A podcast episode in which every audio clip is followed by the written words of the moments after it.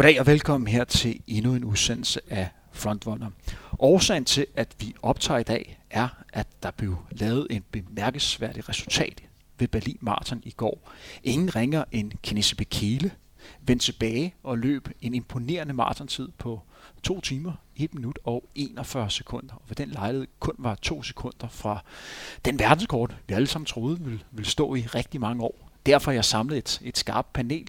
Velkommen til Mads Tersbøl, idrætsstuderende og eliteløber og, og træner. Thomas, idrætsforsker, læge, eliteløber. Jeg kan blive ved med en masse titler. Men uh, velkommen til begge to. Mange tak. Før vi går rigtig i gang med dagens udsendelse, så skal jeg lige undskylde, at jeg uh, lyder lidt hæst, ikke fordi jeg har været en weekend på konstant druk, men uh, jeg har haft en hård weekend med uh, en del sygdom, og så også en, en masse snak, fordi jeg sidder og spiket de diverse uh, maratonløb. Så jeg vil prøve så vidt muligt at lade mine gæster uh, tale uh, en masse i dag, så man, man slipper for, for mig. Men allerførst, før vi går i gang, så skal jeg lige høre, hvordan det går med jeres øh, respektive løbekarriere. I er jo begge to udfordret lige nu med, med skader. Mads, hvad er status med dig? Jamen, øh, jeg er positiv. Jeg har godt nok været skadet i 16 måneder nu, men igen, det er når det står hårdest til, man skal vise, om man, er, om man ved det eller ej. Foden af PT går ikke ondt med, og jeg håber meget snart at kunne starte på løbebold. Jeg har jo prøvet et par gange i løbet af perioden, men der er det ikke gået godt, så det er stadigvæk fitness og svømmeren to gange om dagen. Og Thomas, hvad er status med dig? Du var jo heldig, da du var på færgen og løb trailløb og kom til skade der. Jeg har haft øh, den korteste trail-karriere, tror jeg, øh, nogensinde. Jeg har i hvert fald ikke nogen plan om at genoptage den. Øh, men jeg, jeg faldt og, og fik en, en stor blødning i mit lår. Øh, men nu kan jeg gå igen normalt, og jeg kan også cykle lidt. Så jeg tænker, at jeg snart i løbet af den her uge, så skal jeg prøve at jogge lidt, se hvordan det går. Og hvad er fremtidsudsigterne? Øh, det er, at jeg kan løbe normalt om øh, nogle måneder, regner med. Vi håber, det er det bedste for, for jer begge to. Men som sagt, det vi skal snakke om i dag, er den her fantastiske betid, eller tid, som Bekele løb i går. I sad jo begge to og følge med i, i begivenheden. Mads, kan du lige kort fortælle lytterne om det løb, som man kunne, kunne se i går? Jamen sådan helt kort kan man sige. Det var et Berlin Marathon serie altid, skal det siges. Og Bekele følger man lidt med, så man ligesom vidste, at han har været på toppen i mange år. Siden 2010 har han pladet en del med, med skader. Han har haft et godt maraton 2016, hvor han løb 2.03.03, og siden der har han faktisk udgået en del. Så sent som i Amsterdam Marathon for et par år siden, der udgik manden på den sidste kilometer. Så jeg gik ind til det løb med en forventning om, at jeg virkelig håbede, at Bekele ville gennemføre. Også gerne vinde og ligesom lave et lille comeback. Men at se Bekele løbe så stærkt, det var, det var voldsomt imponerende. Jeg kan huske, at halvmarathon-splittet, han løber 61.05, og tænkte, det her det er hurtigt. Det er faktisk et sekund foran splittet. Kipchoge havde sidste år, da han satte verdensrekord. Men igen, der er langt hjem for halvmarathon, det ved vi alle sammen. Da vi begynder at nærme os nogen af 30, så kan jeg godt se, at det her det bliver, det bliver vildt. Det bliver rigtig vildt. Specielt fordi Bekele så sådan meget determineret ud. Thomas og jeg, vi sad lige kort ind og snakkede om, at det var en Bekele, som har set skarpere ud, også sådan rent fysisk. Ikke bare i øjnene, men han, hans fedtprocent var lavere, han så lidt mere trimmet ud, lidt mere dedikeret ud. Så der er ingen tvivl om, at han har formået at optimere på nogle parametre i forhold til de andre gange i hvert fald. Hvordan oplevede du løbet, Thomas? Jamen, øh, altså jeg må tilstå, at jeg jo ikke så det live, mens det, det, det foregik, men jeg har set det øh, efter, efterfølgende. Havde du set løbet, hvis han ikke havde løbet så stærkt? Nej, det havde jeg ikke. Det tror jeg ikke. Jeg, jeg, jeg blev simpelthen, jeg måtte se, hvad det var, der var foregået. Hvordan er det at se en løb, når man er godt klar over, at her bliver der løbet rigtig stærkt?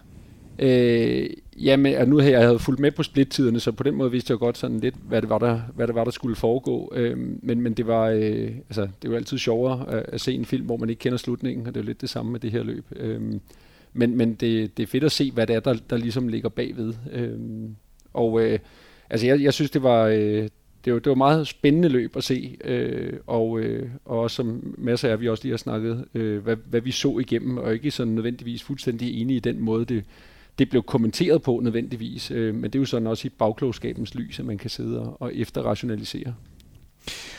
Når vi så kigger på det i dag, hvordan har løbet så for fordøjet? Men nogle gange så ser man lidt anderledes øh, på et løb, når det lige har gået lidt tid. Hvad er dine tanker i dag, Mads? Jamen, jeg ser, at vi PT har verdens bedste løber. Man snakker meget sådan i, i engelsktalende lande omkring, hvad skal man, the greatest of all time. Det er sådan et, øh, hvis man er the GOAT, som er ligesom den bedste nogensinde. Og der er mange, der har ment, det har været Kipchoge længere tid. Men jeg vil sige, efter Bekele lavede det her i går, så ikke bare i min optik, men sådan i stor del af løbverden, så har Bekele ligesom vist, at, at han er den bedste nogensinde. Man kan selvfølgelig argumentere for, at Kipchoge, han er, man har stadig den hurtigste tid, han har den største sejrstreak. han har den bedste kontinuitet. Så på maraton er han nok den bedste, men sådan overordnet set inden for langdistanceløb, så ser jeg en Bekele, som er stærkere på langdistancer end nogensinde før. Og jeg ser en Bekele, som i den grad kan udfordre ikke bare verdenskort, men også Kipchoge selv. Forhåbentligvis de kommende år. Til Kipchoges forsvar skal det stadigvæk siges, at de sidste fire gange, de har mødtes, så har han altså fire sejre over Bekele. Kipchoge har også en, en statistik, hvor han, han udgår stort set aldrig. Han vinder alt, han vil stille op i, og han løber altid nogle af de hurtigste tider i verden. Så Bekele skal stadig vise en stabilitet. Men jeg tror, det her virkelig også har givet en fornyet gejst og motivation til Bekele selv, og også hans, hans bagland. Så, så jeg tror ikke, selvom Bekele han er faktisk ældre end Kipchoge, han er 37 år nu, så tror jeg ikke, at, øh, at vi skal afskrive ham. Mads, nu har du allerede taget hul på en af de ting, som vi skal, skal snakke om i dag. Det er nemlig den her sammenligning med øh, Kipchoge, som er nærliggende. Men ganske kort, dagens program. Først og fremmest så skulle vi lige snakke om, hvad det var for et løb, øh, vi så i Berlin i går. Så skal vi også lige ind på, om hvor overraskende det er for der var ikke nogen af os, der sådan havde regnet med, at der blev løbet så, så stærkt i går i Berlins øh, gader. Så skal vi snakke lidt mere om øh, Bekele som løber. Hvad er det, der gør ham specielt? Vi snakker altså med en løber, der har verdenskort på 5.000 meter og 10.000 meter. Igen sammenligning med øh, Kipchoge. Og så skal vi snakke om, hvad det her løb reelt betyder. Øh, Både på, på kort sigt, vi har jo det her hvor man håber på at komme under to timer på maraton om 14 dages, tre ugers tid. Hvad betyder det for det? Eller lige pludselig en løber, der, der matcher Kim Choke, som man troede var, var urørlig. Øh, er de fuldstændig ligeglade? Det er jo, det er jo løber, der stiller op for, for samme øh, princippet virksomhed. Hvad betyder det på lang sigt? Øh, er det her bare noget, vi skal vende os til? At der er flere og flere løbere, der kommer til at løbe i nærheden af, af to timer? er man bare blevet så meget bedre, eller ligger hemmeligheden bare i, at øh, Bekele nu også har fundet ud af at løbe en bestemt sko? Så skal vi, øh, så skal vi snakke øh, lidt videre, og det bliver vi nødt til øh, lige at nævne, fordi der er jo en, en dansk løber, som skal løbe VM øh, om en uges tid. Øh, Thijs øh, der har været rimelig offensiv, kan man godt øh, tillade sig at sige, i et, et dansk medie, hvor han langer lidt ud efter øh, den måde, som de øh, håndterer doping på i, i Kenya. Det bliver vi lige nødt til at nævne, fordi det er relevant i den her sammenhæng her, men øh, kort og godt er det Berlin, vi skal have, have fokus på. Hvor stor overraskelse for jer var det, at han løb så stærkt i går? Altså, jeg, jeg er meget enig i det, øh, Madsen siger. Det, det, der et eller andet sted jo også er lidt fascinerende ved Bekele, det er, at han, han, er, han er et menneske. Han er menneskelig på en eller anden måde. Ikke? At han, han har de her fuldstændig øh, fremragende verdensrekorder, men hans maraton-karriere, der har han jo været sådan lidt øh, make it or break it. Enten så er det gået godt for ham, eller også så er han blevet sur og frustreret, og så har han trukket sig for løbet. Ikke? Han har jo, har jo flere øh, DNF'er på, på samvittigheden. Øhm, så, så man havde sådan lidt den der fornemmelse af, ah, vi skal lige ud over 25-30 km, før vi er sikre på, at han ikke udgår af det her løb. Ikke? Så, så det, det tænkte jeg også, jeg, da jeg sad og, og fulgte med i splittiden, tænkte jeg sådan, hold op, det ser imponerende ud. Men der var hele tiden sådan en stemme i baggrunden, der sagde sådan, Åh, men det kan jo også godt være, at han udgår lige om lidt. Øh, så jeg var meget, meget overrasket. Var du overrasket, Mads? Fuldstændig som Thomas var jeg også overrasket. Thomas og jeg, vi sad så kort om snakke om, at Thomas nævnte i forhold til, at vi var ikke helt enige med kommenteringen af løbet. Vi så det begge to på med britiske kommentatorer. Og, hvordan, man, øh, hvordan kommenterede de løbet? Jamen, der er et specielt punkt lige omkring 30 km der ligger de førende tre, øh, de ligger, de ligger sammen. Så sker der det, at Legese, som bliver to i løbet, han laver et voldsomt ryg mellem 30 og 31. Han løber faktisk 2,48 på den her kilometer. Mellem 30 og 35 løber han 14,09, altså 14,09 på 5 km. Bekele han falder bagud, og kommentatorerne får til at lyde som om, at nu er, at nu løbet ved at være kørt. Bekele kommer så tættere og tættere på, og de snakker om, at det er det største comeback osv. Men i virkeligheden, hvis man ser på splittiderne, så mellem 30 og 35 km, der løber Bekele faktisk den, indtil nu den hurtigste 5 km split. Der løber han 14-20. Det næste fem løber han endnu hurtigere igen. Så i virkeligheden så er Bekele, han viser bare den erfaring, den rutine, han har. Han er som sagt en mand, der har været på banen hele siden det tidligere 2000. Øhm, hvor godt han kender sin krop. Fordi han formåede netop at holde tempoet, hvor Ligese går ned. Tror I inden løbet, at Bekele regnede med, at han kunne løbe så stærkt? Det, altså det er svært at sige. Ikke? Øh, jeg, jeg tror, at, øh, at vi har med en mand at gøre, øh, som absolut ikke tvivler på sig selv. Og han har jo også vist, at han har, altså han havde, inden han gik ind til løbet, den, den fire hurtigste tid i, i verden nogensinde. Så han ved jo, at han har en kapacitet til at, at løbe hurtigt. Jeg tror, at det, som vi måske også kommer ind på, øh, nu sammenligner vi lidt med, med Kipchoge, vi måler ham jo stadigvæk op mod den tid, og det er jo også nemmere for ham at motivere sig til at løbe efter noget, han ved er muligt, hvor man kan sige, at øh, Kipchoge han løb jo et eller andet sted ind i, øh, i uncharted territory, ikke? Altså, det er jo, det var, der var ikke nogen, der havde løbet der før, hvor man kan sige, at, at øh, vi så Bekele, der ligger og kigger på sit ur rigtig meget i går, og jeg tror godt, han havde styr på, hvad det var, han skulle, og jeg tror også, han var meget motiveret af at have noget at måle sig op imod. Øhm. Hvis vi sådan går lidt videre, så er fokus på Bekele øh, som løber. Det er jo en løber, der er rigtig dukket op i, i starten af, af nullerne. Øh, første gang man lagde mærke til ham, det var i forbindelse med verdensmesterskabet i cross, hvor han stillede op i juniorklassen. Der skulle man løbe 6-8 km. Han vandt med næsten et minut, og der var man altså godt klar over, at her var et talent ud over det sædvanlige. Året efter, der vandt han så seniormesterskabet i verdensmesterskabet cross, hvor han både på, den, på det tidspunkt, der stemte op både i kort og lang, det vil sige 4 km kort cross og så 12 km lang cross. Og så var der en del år, hvor han lavede dobbelt, og så begyndte han at løbe stærkt på, på banen, og fik sit første verdensmesterskab, og så vandt han dobbelt til, til OL. Og efter det, der har han bare været en dominerende figur. De senere på år har han været lidt skadet, han har været lidt væk. Øh, han løb rigtig stærkt ved, ved maraton i, i Berlin. Hvad var det? Det var i 2016, øh, lige efter, lige efter OL, hvor han også var tæt på at sætte, uh, sætte verdenskort ved den lejlighed og løbe en tid lige over to timer og, og tre minutter. Og så har han været lidt væk efterfølgende. Hvis vi sådan går ind og kigger på to øh, parametre. Først skal vi lige snakke om, hvis sådan rent fysiologisk. Mm-hmm. Når du kigger på Bekele, hvad, hvis, han nu var, hvis han nu var en bil, hvor øh, vi to har tit snakket om, at man kunne lave løber som, som bilkort, ja. hvor vil han boome ud? Øh, jamen, man vil sige, først og fremmest vil jeg sige, at, at det var lidt sjovt. Nu havde jeg set splittiderne, og så se videoen af ham, hvor man siger, at øh, som Madsen også siger, at han så trimmet ud. Altså, hvis man går tilbage og kigger på, øh, på hans øh, verdensrekorder, øh, det er jo klart, at han ser yngre ud på det tidspunkt, men, men han var sådan lidt tilbage i lidt af den form rent øh, udseendemæssigt. Altså, han var markant tyndere, øh, og det må man bare sige, det er en gigantisk, øh, hvad hedder det, øh, Øhm, betydning, øh, betydende faktor i, i langdistanceløb, øh, at når han, når han har ligget og løbet de bedste tider, han har løbet, jamen, så har han været nede og veje de der 54-55 kilo eller sådan noget. Og hvis det er, at man tager et kilo eller to på, så betyder det rigtig, rigtig meget øh, for, hvad man kan, kan præstere. Øhm, så, så hvis der man ligesom skal sætte ham op som et, et, øh, et bilkort, så har han jo tidligere vist, at han har haft øh, man sige, kondien øh, og, og farten, fordi han har jo løbet de her verdensrekorder, og det kan man ikke komme til, uden at man har topfarten til det, og man også har øh, konditionen, kan man sige, øh, til det. Og det han jo så høster øh, frugterne af, det er, at han har, har løbet i så mange år efterhånden, at hans, øh, hans muskler, hans øh, karsystem og alt muligt andet er så veludviklet øh, og har performet i så mange år, at øh, han kan præstere så godt på maraton, fordi der er det nemlig ikke de ting, øh, som er af samme betydning som til et 5 og 10.000 meter løb.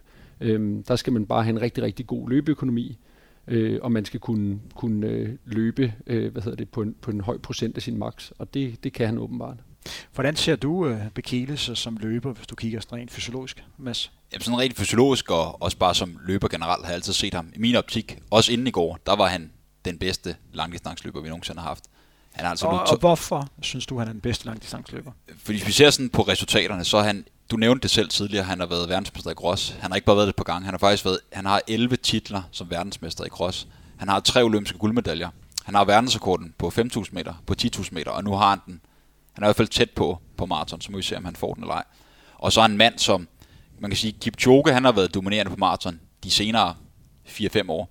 Bekele har sådan set været dominerende, indtil vi havde Mo Farah æren, indtil han stoppede. Så er det jo faktisk Bekele, som, som ingen kunne nappe på banen, i hvert fald ikke på 5 og 10.000 meter. Hvis man går ind og kigger på Bekeles løbestil, han er jo en, en løber, der løber rigtig flot. Uh, vi er jo i nærheden af det, man kalder gazelle-stil. Men han løber også med et høj bagspark. Øh, og det er jo en god måde at løbe på, når man løber på banen. Når I kigger på ham som, som maratonløber, har han den optimale løbestil i forhold til maraton?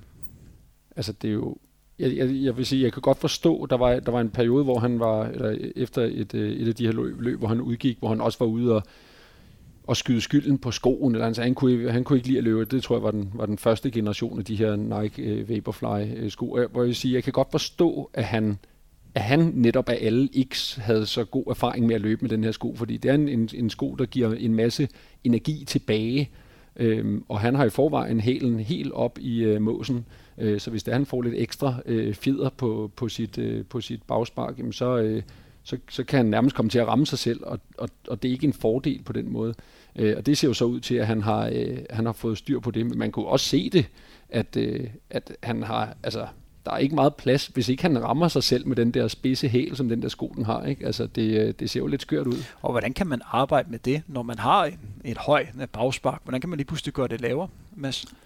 Jo, men igen, ændrer sin løbstil, uanset om man skal have et højere bagspark eller et lavere. Det er jo en lang proces. Det siger, om man er motionist eller i løbet, så skal man ikke tro, man kan ændre noget på en måned. Det er det farlige, så kan der komme skader. I værste fald, og i bedste fald, så gør det egentlig bare ens præstationsevne dårligere. Man kan se som en, en mand, som vi ved har arbejdet meget med det, det er Mo Farah, som jeg tænker, de fleste lyttere kender. Hvis man tager øh, Bekele og Mo Farah, så har de begge to et meget højt bagspark. Men jeg synes, den store forskel er, hvis du ser Bekele og så Mo Farah, så Bekeles vertikale udsving, altså meget han bouncer, hopper op og ned, det er mindre end øh, Mo Farahs. Og det vil sige, at hvis man kan få mere af den energi, man laver til at gå fremad, så skyder man også en højere hastighed ved samme energioutput og så er ens løbeøkonomi bedre end sådan en som Mo Farah, som bruger mere energi på at skyde sig selv op i luften. Hvis vi går ind og kigger på hans, hans tider, det er jo en mand, der har verdenskåren både på 5 og 10.000 meter. Jeg mener, det hedder 12.37 og 26.17. Og nu har han altså løbet 2.1.41. Kan man argumentere for, at han stadig ikke er helt på 100%? At hans, hans top simpelthen var bedre, da han løb stærk på for 5 og 10.000 meter? Altså det, det tror jeg, at det kan man jo det kan man jo se på, øh, som Madsen også siger, på, på de ting, han har vundet tidligere, ikke? må man sige, at der har hans, øh, hans øh, streak, eller hans storhedstid på banen, været meget mere overbevisende, end den har været på maraton i hvert fald. Øhm, så han har jo haft sådan et, et udløst potentiale, tænker man, øh, på maraton, øh, som det ser ud som om, at han, det har han i hvert fald taget et, et, et, et, et godt spadestik ind i øh, nu. Om han kan løbe endnu hurtigere, det ved jeg ikke, men det bliver i hvert fald meget interessant med, så er vi snakket om, at at, at øh, før i går, der havde vi ligesom en masse løber, der havde vist, at de kunne ligge der omkring lige 2.03, øh, også en, en masse unge løbere, øh, og så var der ligesom halvandet minut eller noget af den stil ikke, ned til, til Kipchoge, og så var der ikke rigtig nogen imellem. Og her der har vi ligesom fået en, der ikke bare lagde sig imellem, men faktisk ligger sig helt op af, af, af Kipchoges tid. Så, så på den måde så, øh, så, så giver det jo noget, øh, noget positivt til, øh, til sporten. Hvis vi kigger isoleret nu, der hvor Bekele øh, står, hvordan ser fremtidsudsigterne for, for Bekele? Hvad er næste step for ham? Er det at løbe endnu stærkere for verdenskorten, eller er det et OL, hvor han måske godt kunne tænke sig at få en, få en OL-guld på maraton? Jamen, der er ingen, Bekele har udtalt det før, og der er ingen tvivl om, at han stadig ved det. Han kunne godt tænke sig at være på samme tid verdensrekordindhaveren på 5.000, 10.000 og maraton. Og lige nu der er han meget, meget tæt på maraton verdensrekorden. Og lige en sidebemærkning. Jeg vil godt våge den påstand. Hvis Bekele ikke havde kigget på duer så mange gange, som han gjorde det i går, så havde han været verdensrekordholderen i dag, og ikke Kipchoge. Når det så er sagt, så er jeg sikker på, at øh, vi har et OL næste år i Tokyo, og Bekele har vist over for omverdenen, det er en ting, men specielt over for sig selv, han kan løbe stærkt. Og vi har en Kipchoge, som måske vil forsvare sit olympiske guld. Så jeg tror, at det næste fokus, det bliver, det bliver Tokyo en gang i august 2020. I sidder jo begge to med et papir foran jer, hvor man sammenligner Bekeles tid for i går med verdenskorten, som Kipchoge satte for det, der bliver et år og en, en uges tid øh, siden. Når I sidder og kigger på, på de to løb, det er jo sat op med sådan flotte grafer, men vi kan lige smide det ind på, øh, på Frontrunner, på, på sociale medier, og på øh, ja, både Facebook og Instagram. Men hvordan tolker I Bekeles løb kontra Kipchoges? Jamen, øh, altså, jeg synes grundlæggende, så kan man sige, at, øh, og det, det vil jeg egentlig også gerne have, at vi lige, vi lige rundede, øh, fordi der er noget omkring forholdene, hvis der man sammenligner de her to løb, som er forskellige artet. Øh, men der synes jeg, man kan se, at Bekele han løber et meget stabilt løb øh, et eller andet sted. Øh, og det var også det, Mads han var inde på. Jeg er helt enig i, at, at, øh, at der blev snakket om, at han blev sat i går, han blev smidt af og havde krise og alt muligt andet. Det tror jeg ikke på.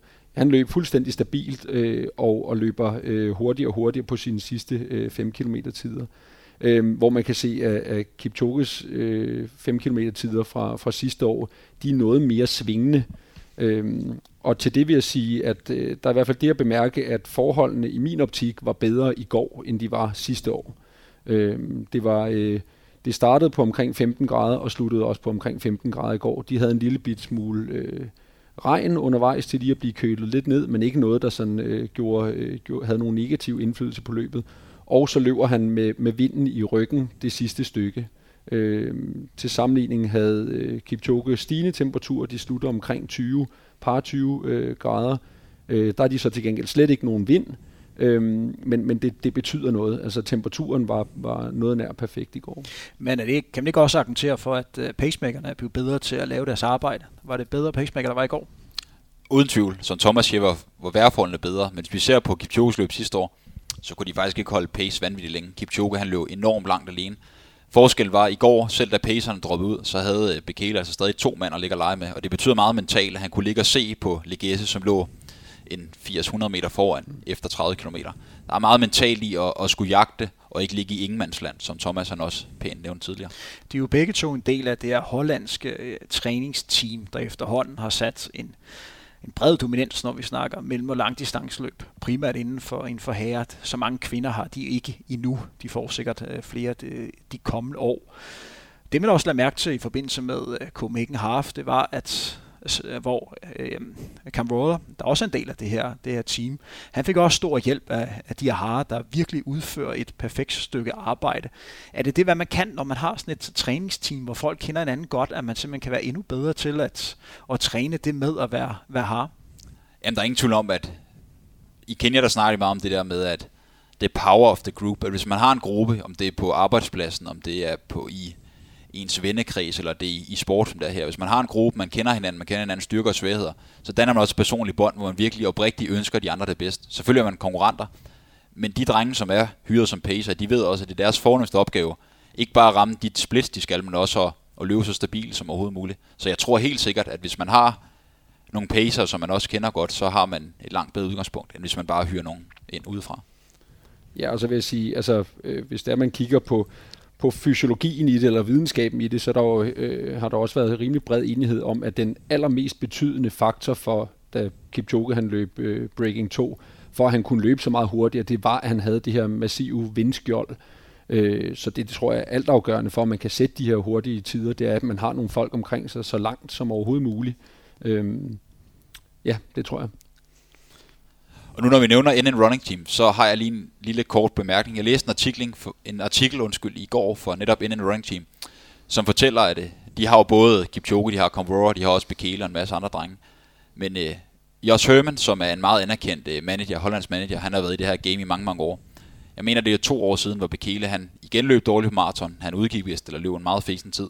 Han hængte selv Bekele ud i medierne og sagde, at han var uprofessionel, han var useriøs, det var spild af talent, og han var faktisk også overvægtig. Det pissede Bekele af. Bekele af. Og der er ingen tvivl om, at de har kendt hinanden så godt, at han har vidst, det motiveret ham. Fordi der sker så det tilbage i maj måned. Der tager Josh Herman, så han tager fat i Bekele, går historien på og spørger, er det ikke en idé, at du kommer til, til Holland, til Nijmegen, i en, i en 8, 8 uger til 10 uger tid? Fordi vi kan se, når du er i Etiopien, Bekele han har et par hoteller, han er også en businessman, han er ret travlt, han har også nogle børn, han gerne vil være for, og han får ikke spist ordentligt mad, han får faktisk heller ikke trænet særlig godt. Han vælger så at tage til uden sin familie til Holland i 8 uger, hvor de har en diætist på 24-7, de har nogle af de bedste fysioterapeuter i verden, de har nogle af de bedste trænere, og han bor så her. Den første uge, og vi er så tilbage i maj 2019, for ikke så mange måneder siden, der løber han 45 km. Den sidste uge løber han 150 km. Så når vi snakker om uforløst potentiale før, så er der ingen tvivl om, at hvis man sammenligner Bekele og Kipchoge, så er Bekele meget mere skrue på endnu. Fordi, som Thomas også nævnte, Kipchoge det er lidt den her munk, den her Ironman, som gør alt perfekt, hvor Bekele han er lidt mere menneskelig. Han, så vejer han 5 km og så får han ikke lige trænet særlig godt, han får ikke lige passet sine skader. Så jeg tror, at Bekele han kan holde, bare forbedre 10% sin træning og sin kost, så smadrer han Kipchoge. Tror jeg, at Kipchoge nu er begyndt at blive, øh, være bekymret for Bekele?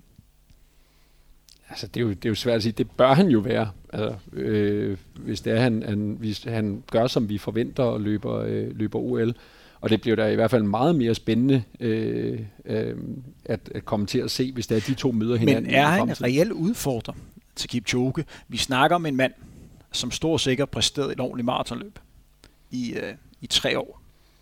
Han har ligget i, han er kommet, jeg tror han kom på podiet øh, i London i, øh, i, i 17, og så har han haft nogle, nogle skuffende løb. Sidste år var der ikke rigtig nogen major, der ville røre ham, så derfor stillede han op i Amsterdam, hvor det så godt ud indtil 25, men øh, så derefter gik det, gik det langsomt ned. I år har han også været, været fraværende, indtil han lige pludselig øh, dukker op her i, øh, i Berlin Marathon. Hvorfor er det nu, at man skal tro på, at han får den her længere periode, hvor han får trænet? Det skal man, fordi han er så tæt på verdensrekorden, og Bekele han er en, der bliver motiveret, når han præsterer godt. Og han ved, han, han kan lugte, han kan sådan set smage, han kan se, 8 meter frem, så har han verdensrekorden fordelt på 42.195 meter. Så jeg tror, det er nu. Han har lært noget af at være de her uger i Holland, fået et team omkring sig, som er med til at monitorere nogle ting.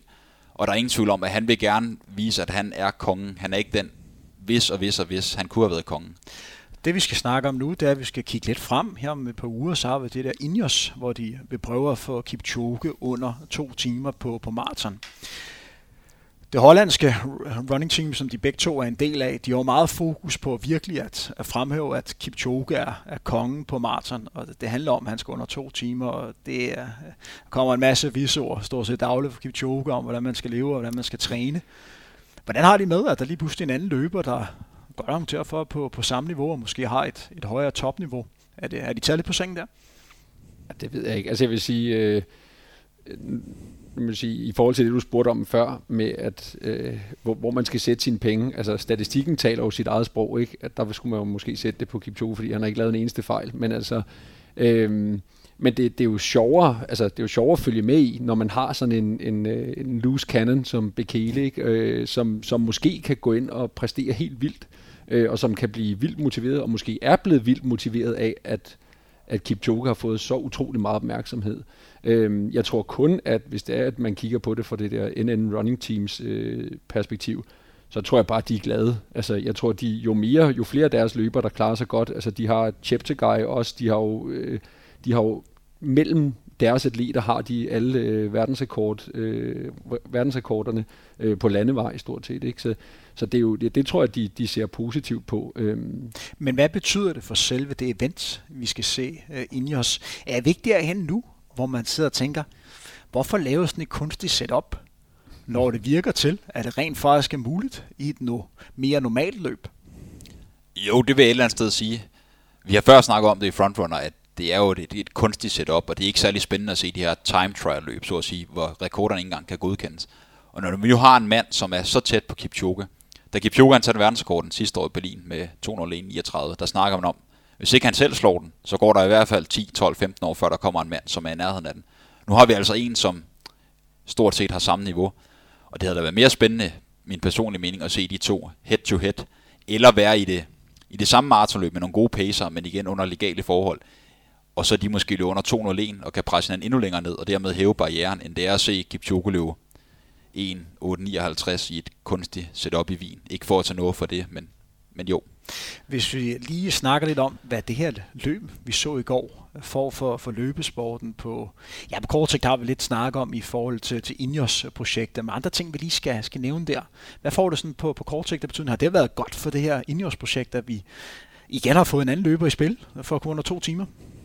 Nej, altså jeg tror måske, hvis man ser isoleret set på reklameværdien i at lave det her Ineos-projekt, så tror jeg, det er blevet mindre værd, fordi man vil sige, at, at ellers der stod uh, Kipchoges verdensrekord som sådan en... Altså han var så meget foran alle andre, så der var ikke nogen tvivl om, at han var den bedste, og så kunne han lige så godt prøve at se, om han kunne slå den her to timers øh, grænse. Så på den måde er jeg enig i, i det, Madsen siger, at det kunne være sjovt at se, hvad det var, de kunne. Øhm, jeg, sige, at øh, jeg tror stadigvæk, at hvis det er, at de, de skal nok få, der, få, få bang for the buck, hvis det er, det lykkes at komme under to øh, timer, og det bliver stadigvæk spændende at se, men, men øh, det, er, det er klart, der er sket noget nu, som, som har flyttet lidt fokus fra det. Jeg tror personligt, at Kipchoge kommer under to timer. Men lad os nu sige, at han løber langsommere end Begele gjorde i går. Virker det så ikke en lille smule sjovt? Jo, er der det... ikke så mange, der vil sidde og grine lidt? Selvfølgelig vil man grine, men igen, man skal huske på, vi ved alle sammen, mennesker, man, det er ikke maskiner, så man kan ikke bare sige, nu løber du 1,59-59, og så er det sådan. Kipchoge kan måske have haft dårlig mave om natten, han kan have haft en syg datter, som påvirker ham mentalt, hvad ved jeg.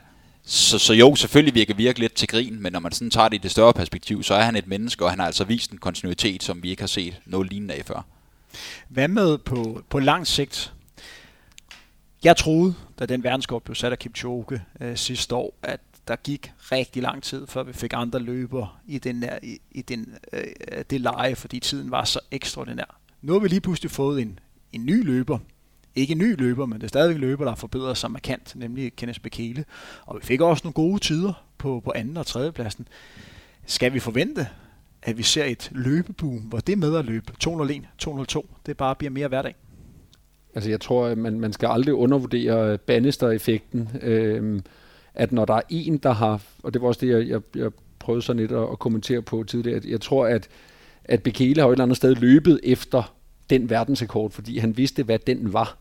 Øhm, og, og man kan sige, nu, nu tror jeg også, at der er en masse, især øh, også af, af de unge øh, maratonløbere, som, som tror på, at de kan. Altså jeg tror ikke, at de føler, at 203 er en særlig grænse, eller 202 nødvendigvis er en særlig grænse, fordi de måler sig op mod verdens bedste, som de jo er, en del af. Øhm, så jeg tror da også, at det bliver, det bliver øh, mere almindeligt at se de her hurtige tider, og jeg tror også, at fordi der var en mere ud over Kipchoge, der kunne løbe det, så blev det også gjort lidt mere øh, menneskeligt på en eller anden måde. Øhm. Det sidste, vi skal, skal snakke om i dag, som sagt, fokus i dag var på Berlin Marathon. Vi prøver at holde udsendelsen lidt kortere, end vi ellers gør. Vi skal også øh, snakke, øh, snakke VM i dag og fokus på, øh, hvad, der, hvad der sker lige i øjeblikket nede i Doha. Men en løber, som skal løbe i Doha, øh, Thijs Nihus, der skal løbe maraton her om seks dages tid. Jeg blev lige lidt overrasket, da jeg så, at han var ude med en melding på øh, BT-sporten på deres hjemmeside, hvor han decideret raser øh, mod konkurrenter. For at læse overskriften op, så er det dansk toppelet raser mod konkurrenter. Det er bundkorrupt. Mads, kan du lige kort fortælle, hvad det er, øh, Thijs er utilfreds med? Jo, sådan groft sagt, det Thijs han er utilfreds med, det er, at øh, hvis man har fulgt lidt med de senere år, så har der været mange skandaler i Rusland. Det er der stadigvæk i forhold til, til deres antidopingarbejde, eller vi kan nærmere kalde det ikke tilstedeværende antidopingarbejde.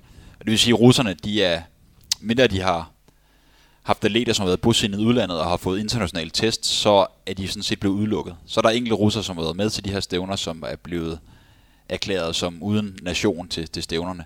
Øhm, det Thijs han så ras over, det er, at der er kommet en tysk øhm, tv-serie op, som viser, eller tysk videooptagelse op af nogle kenianske løbere. Vi ved endnu ikke, hvem de er. Identiteten er ikke bekræftet, men de sidder med en kanøl i armen. Man kan selvfølgelig diskutere, om det er EPO eller ej, men det er jo det, rygterne går på.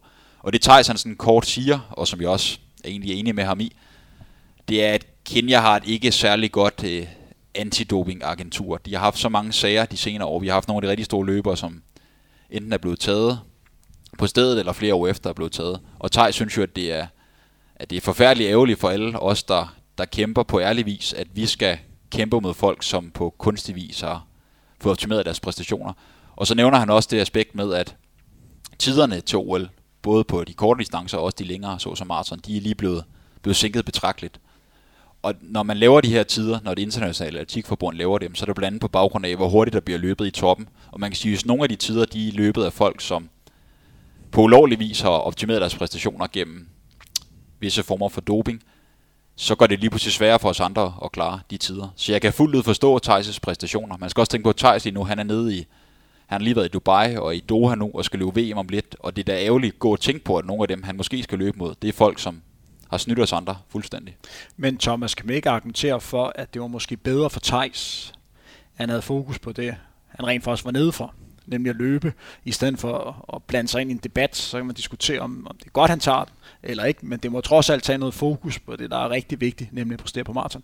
Jo, absolut. Øh, jeg tror måske også, altså den overskriften har også lige fået øh, ekstra, øh, et ekstra gear, ikke? Men det må, i, Thijs, det må Thijs da vide, når han begynder at snakke om det her. Jo, jo, jo. Men altså, jeg tror, at Thijs har, øh, har, har masser af, af tid at bruge øh, nede i, i Doha i øjeblikket, og, og, og hvis der ringer en, øh, en journalist og spørger om, øh, om det her, jamen så kunne jeg da sagtens se, øh, at man kunne komme til at, at sige de her ting. Men jo, selvfølgelig skal han skal han jo netop til, til det øh, VM, vi skal til at se, hvor der forholdene kommer til at være så ekstreme, øh, og det, jeg tror måske, det bliver et af de øh, dels mesterskabsløb, men også bare i det hele taget løb, som bliver sværest at forudse, fordi at det er så, så atypisk i forhold til, hvordan vi normalt ser øh, maraton blive af, afviklet, at, øh, at det kan faktisk være en fordel at være, øh, være rigtig godt forberedt. Øh, så, så det håber jeg at øh, selvfølgelig, at Thijs han har, har styr på. Det tror jeg også, han har. Jeg vil i hvert fald sige, at jeg sad og spikede kvindernes maratonløb i, i fredags, og det var en, en løb, som var meget specielt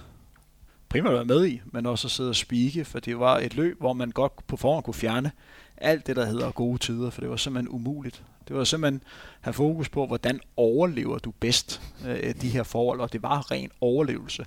Når man er ude og løbe i det, der var øh, på øh, lokal midnatstid, var 5-36 grader, men så ekstremt luftfugtet, der gjorde, at de har regnet frem til, at det svarede til at løbe i 3-44 grader, så er man altså ude i noget, der ikke er særlig rart øh, at, at løbe i. Og allerede tidligt i løbet kunne man se, at det der normalt hed, normalt var maratonhastighed, der hed 3.15, 3.20 på kilometer, for den var altså nede og hed 3.35, 3.40, 3.50.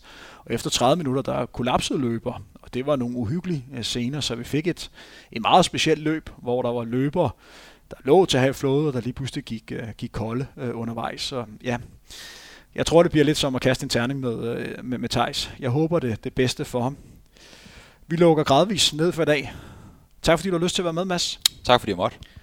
Tak fordi du har lyst til at være med, Thomas. Jamen, mange tak fordi jeg måtte komme. Og den største tak skal lyde til jer, som har brugt det der bio små 40 minutter til at høre om Berlin Marathon. Husk at følge os på de sociale medier, og husk, I må meget gerne dele Frontrunner. På den måde kommer vi ud til endnu flere løbeinteresserede folk.